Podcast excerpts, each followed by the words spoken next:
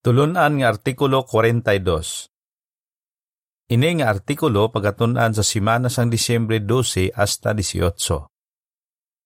Malipayon ang mga nagahupot sing integridad kay Jehovah. Teksto nga ginbasihan sining artikulo. Malipayon ang mga nagahupot sing integridad nga nagalakat suno sa kasuguan ni Jehovah. Salmo 119.1 kag footnote Ambahanon 124. Mangin mainunungon. Ang binagbinagon sa sining artikulo. Suno sa Biblia, dapat naton tumanon ang mas mataas nga mga otoridad ukon ang mga gobyerno sa kalibutan. Pero may pila ka gobyerno nga nagapamatok kay Jehova kag sa iyang mga alagad. Paano naton mapakita nga ginatuman naton ang mga tawo nga nagagahom sa aton pero wala naton ginakompromiso ang aton katutom kay Jehova. Para po uno kag dos, pamangkot sa A. Paano ginapamatukan sang pila ka gobyerno ang katawhan ni Jehova, pero ano ang reaksyon sang iya katawhan? Pamangkot sa B. Nga malipayon kita bisan pa ginahingabot kita.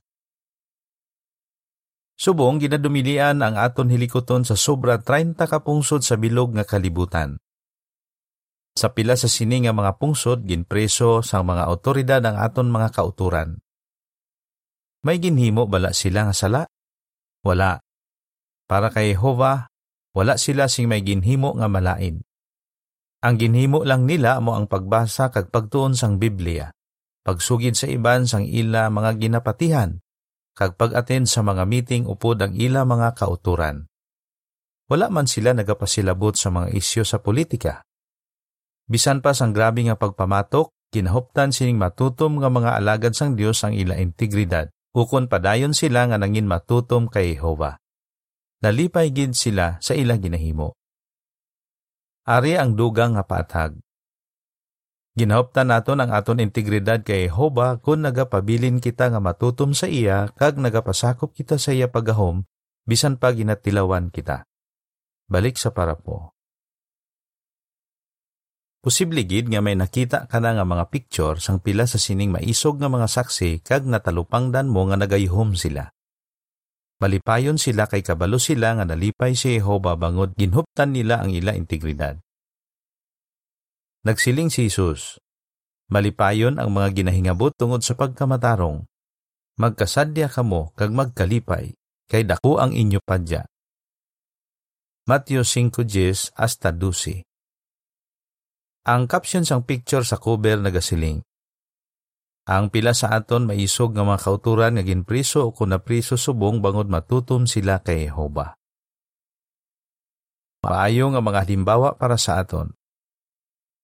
Para po tres pamangkot. Suno sa binuhatan 4.19 kag 20, ano ang reaksyon sa mga apostoles ang giningabot sila sang unang siglo? Kag nga amo sini ang ila reaksyon? Ginahingabot ang aton mga kauturan subong.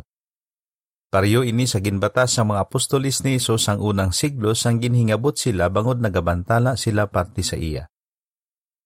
Sulit-sulit silang ginmanduan sa mga hukom sang mataas nga korte sang mga Hudiyo nga maguntat na sa paghambal sa ngalan ni Jesus. Binuhatan 5, 27, 28 kag 40. Ano ang reaksyon sang mga apostolis sa sini? Ang binuhatan 4, 19 kag 20 nagasiling. Apang nagsabat si Pedro kag si Juan sa ila, kung sa banta ninyo ginakabig nga matarong sang Dios nga magpamati sa inyo sa baylo nga magpamati sa Dios, yara ina sa inyo. Apang para sa amon, hindi kami maguntat sa paghambal tuhoy sa mga butang nga amon nakita kag nabatian. Kabalo sila nga ginsugo sila sang isa nga mas mataas ang autoridad nga magbantala sa mga tao kag magpanaksising maid-id parte sa Kristo. Binuhatan 10.42 Gani ang ila mga representante nga sanday Pedro kaguan, maisog nga nagsiling nga dapat nila tumanon ang Dios sa baylo sang mga hukom. Kag hindi sila maguntat sa paghambal parte kay Jesus. Paagi sa ila ginsiling, daw pareho lang nga ginpamangkot nila ang mga hukom. But bala ninyo silingon nga kamo ang dapat tumanon sang mga tao sa baylong ang Dios? Para po 4 pamangkot. Base sa binuhatan 5.27 hasta 29, ano nga limbawa ang ginpakita sa mga apostoles para sa tanan nga matuod nga mga Kristiyano? Kag paano naton sila mailog? Sugod sadto ginsunod sang tanan nga matuod nga mga Kristiyano ang maayo nga halimbawa sa mga apostoles. Ginatuman nila ang Dios sumong manugahom sa baylo sang mga tawo. Ang binuhatan 5:27 hasta 29 nagasiling. Gindala nila ang mga apostoles sa Sanhedrin. Dayon ang mataas nga saserdote nagpamangkot sa ila kag nagsiling. Ginmanduan ginnamon kamo nga indi na magpanudlo sa siningangalan. Apang ginpuno ninyo ang Jerusalem sang inyo panudlo. Kagluyag gid ninyo nga kami ang basulon sa kamatayon sini nga tawo. Nagsabat si Pedro kag ang iban pa nga mga apostoles. Dapat namon tumanon ang Dios subong manugahom sa baylo sang mga tawo. Bangod ginhuptan sang mga apostoles ang ila integridad ginpabunal sila sang mataas nga korte sang mga Hudiyo. Pero paghalin sa mga apostolis sa korte, nagkasadya sila bangod ginkabig sila nga takos pakawian tungod sa ngalan ni Jesus. Kag padayon sila nga nagbantala. Binuhatan 5, 40 hasta 42. Ang caption sa mga picture nagasiling. Kinpakita ni Pedro kag ni Juan kung ano ang dapat himuon sa mga Kristiyano subong kung kinahanglan nila magatubang sa korte kag pangapinan ang ila pagtuo. Para po 5, pamangkot. Ano nga mga pamangkot ang dapat naton sabton? Kung basihan ang ginhimo sa mga apostoles, posible nga may mga pamangkot kita. Halimbawa, bangod gintuman sa mga apostoles ang Dios sa baylo sang mga tawo, Nagasanto bala ini sa sugo sang Biblia nga dapat magpasakop sa mas mataas nga mga autoridad? Roma 3.1 Paano naton matuman ang ginsiling ni Apostol Pablo nga mangin matinumanon sa mga panguluhan kag mga autoridad pero padayon man naton nga ginahuptan ang aton integridad sa Dios bilang aton supremo nga manugahom. Tito 3.1 Ang mas mataas nga mga autoridad para po sa is pamangkot sa A. Sino ang mas mataas nga mga autoridad nga ginsambit sa Roma 13.1 kag ano ang obligasyon naton sa ila? Pamangkot sa B. Ano nga autoridad ang ara sa tanan nga nagagahom nga mga tawo? Ang Roma 13.1 nagasiling, Ang tagsa katao dapat magpasakop sa mas mataas nga mga autoridad kay wala sing autoridad nga indi halin sa Dios. Ginbutang sang Dios ang mga autoridad sa ila nagkalain-lain nga palangakuan.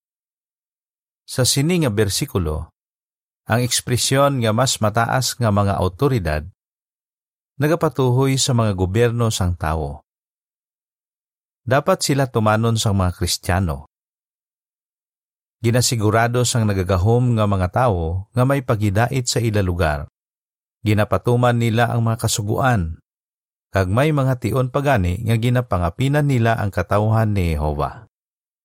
Gani ginasugo kita sang Biblia nga ihatag sa ila ang ginapangayo nila nga buhis, bayad, pagtahod kag dungog. Pero may autoridad lang ini nga mga gobyerno bangod gintugutan ini ni Jehova. Maatag ini sa ginsiling ni Jesus sang gininterogar siya ni Gobernador Poncio Pilato sang Roma. Sang nagsiling si Pilato nga may autoridad siya sa paghilway o kung sa pagpatay kay Hesus, ginsilingan siya ni Hesus.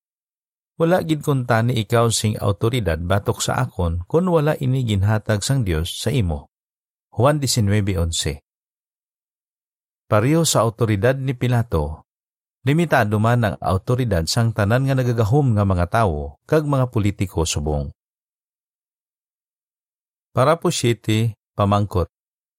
Sa ano nga mga sitwasyon hindi naton dapat pagtumanon ang nagagahom nga mga tawo kag kay sino sila manabat kung ginagamit nila ang ila autoridad sa hindi husto nga paagi.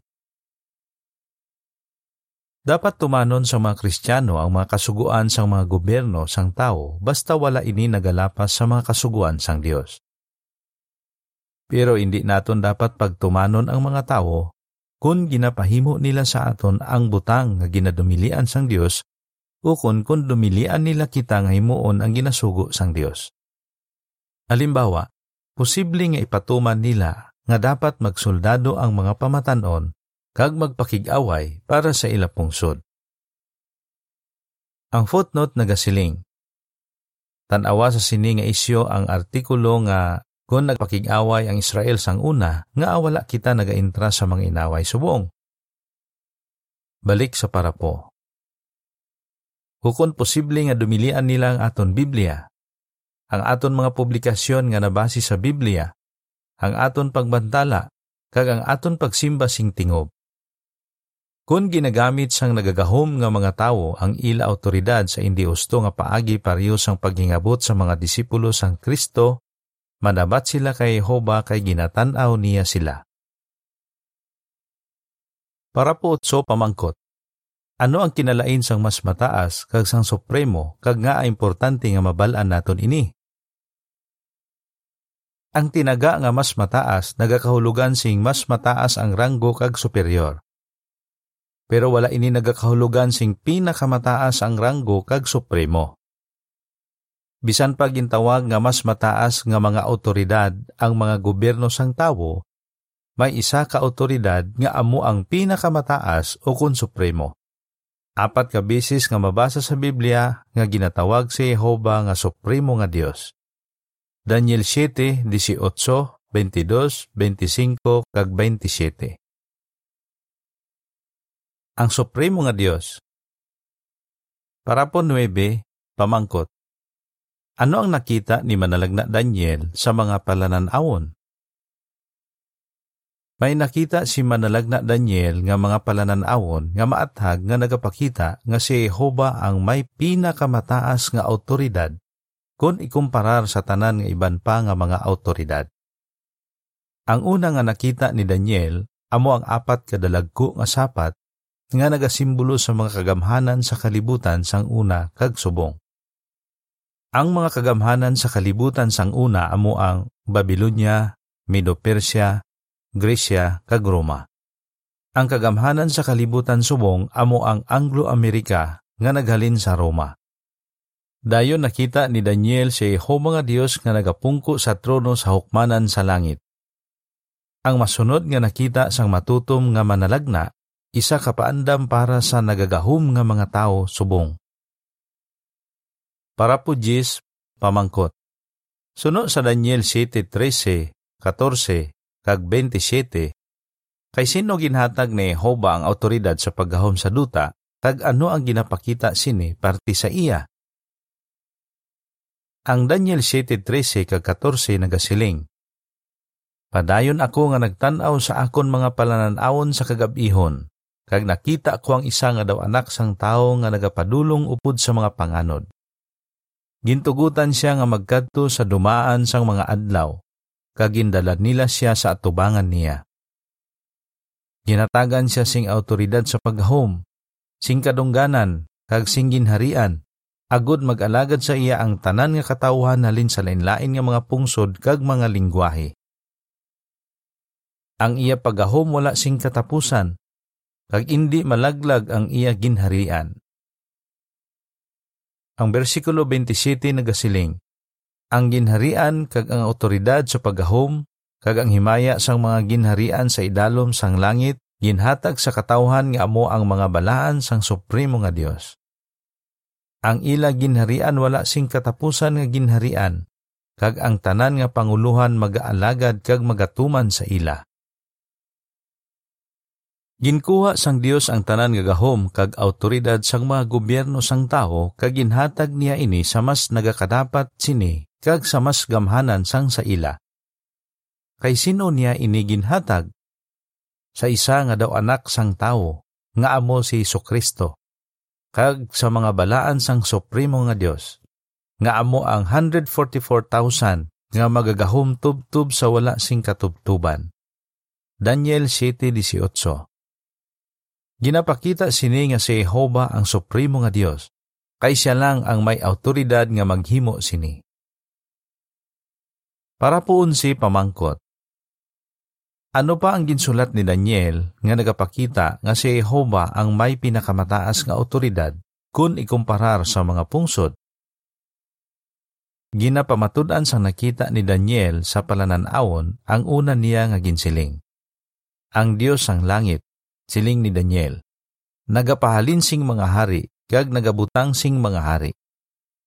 Nagsulat man siya nga ang labing mataas amo ang manugahom sa mga ginharian sang tao kag ginahatag niya ang paggahom kay bisan sino nga luyag ni hatagan sini. Daniel 2:19 hasta 21 kag 4:17. May ginpahalin o kon may ginbutang na bala sa Jehova nga mga manugahom? Oo. Para po dusi, maghatag sing halimbawa kung paano ginpahalin ni Jehova ang mga hari sang una. Maathag ang ginpakita ni Jehova nga siya ang may pinakamataas nga autoridad kung ikumparar sa mas mataas nga mga autoridad. Binagbinaga ining tatlo kalimbawa. Ginulipon sang paraon sang Ehipto ang katawhan ni Jehova.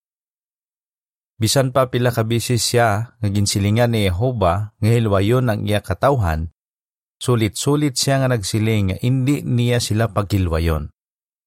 Pero ginhilway sila sang Dios kag ginlumos niya ang paraon sa pula nga dagat. Naghiwat sing sinalusalo si Hari Bilsasar sang Babylonia kag nagrebelde siya sa Ginoo sang langit. Kag gindayaw niya ang mga Dios nga human sa pila kag bulawan, imbis nga si Jehova. Daniel 5:22 kag 23. Pero ginpaubos ang Dios ining bugalon nga tawo. Sadto mismo nga gabi, Ginpatay si Bilsasar, kag ginhatag ang iya ginharian sa mga Midyanon kag mga Persyanhon. Daniel 5:28, 30 kag 31. Ginpapatay ni Hari Herodes Agripa I sang Palestina si Apostol Santiago. Dayon ginpapriso niya si Apostol Pedro para ipapatay man siya. Pero ginpunggan ni Jehova ang plano ni Herodes ginsilutan siya sang anghel ni Jehova, kag napatay siya. Binuhatan 12.1 hasta 5, kag 21 hasta 23. Ang caption sang picture nagasiling. Ginkuha ni Jehova ang ginharian ni Bilsasar kag ginhatag ini sa mga Midyanhon kag mga Persyanhon. Para po 13, Maghatag sing halimbawa kung paano ginpirdi ni Jehova ang naghimbon nga mga manugahom. Ginpakita man ni Jehova nga siya ang may pinakamataas nga autoridad kung ikumparar sa naghimbon nga mga manugahom.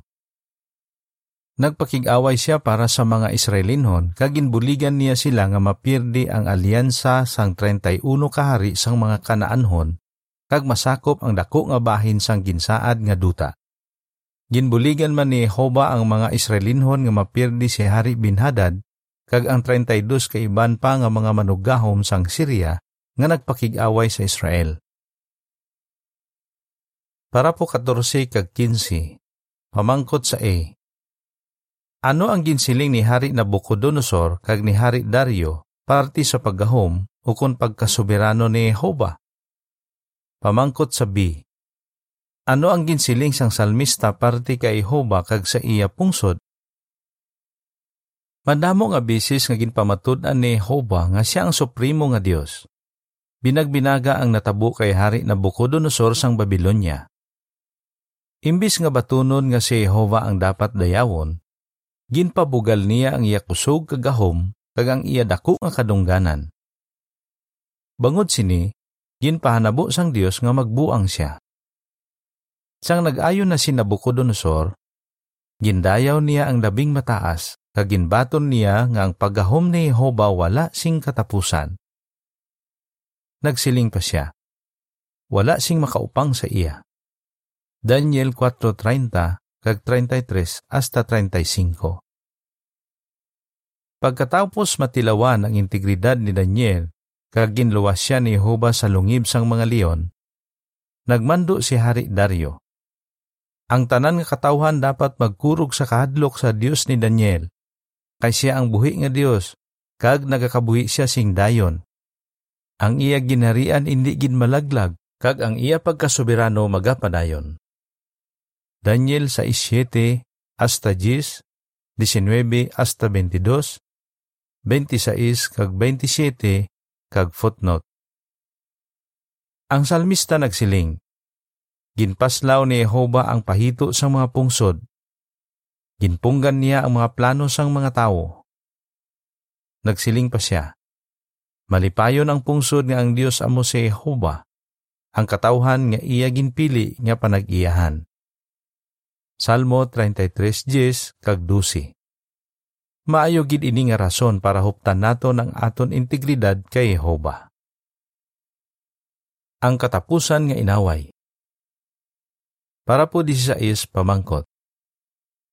Ano ang masaligan naton nga himuon ni Jehova sa tion sang dakong kapipitan kag nga makasalig kita sa sini? Nabasa naton ang parti sa mga ginhimo ni Jehova sang una. Ano naman ang mapaabot naton nga matabo sa palaabuton? Makasalig kita nga luwason ni Jehova ang iya matutom nga mga alagad sa tion sang dakong kapipitan.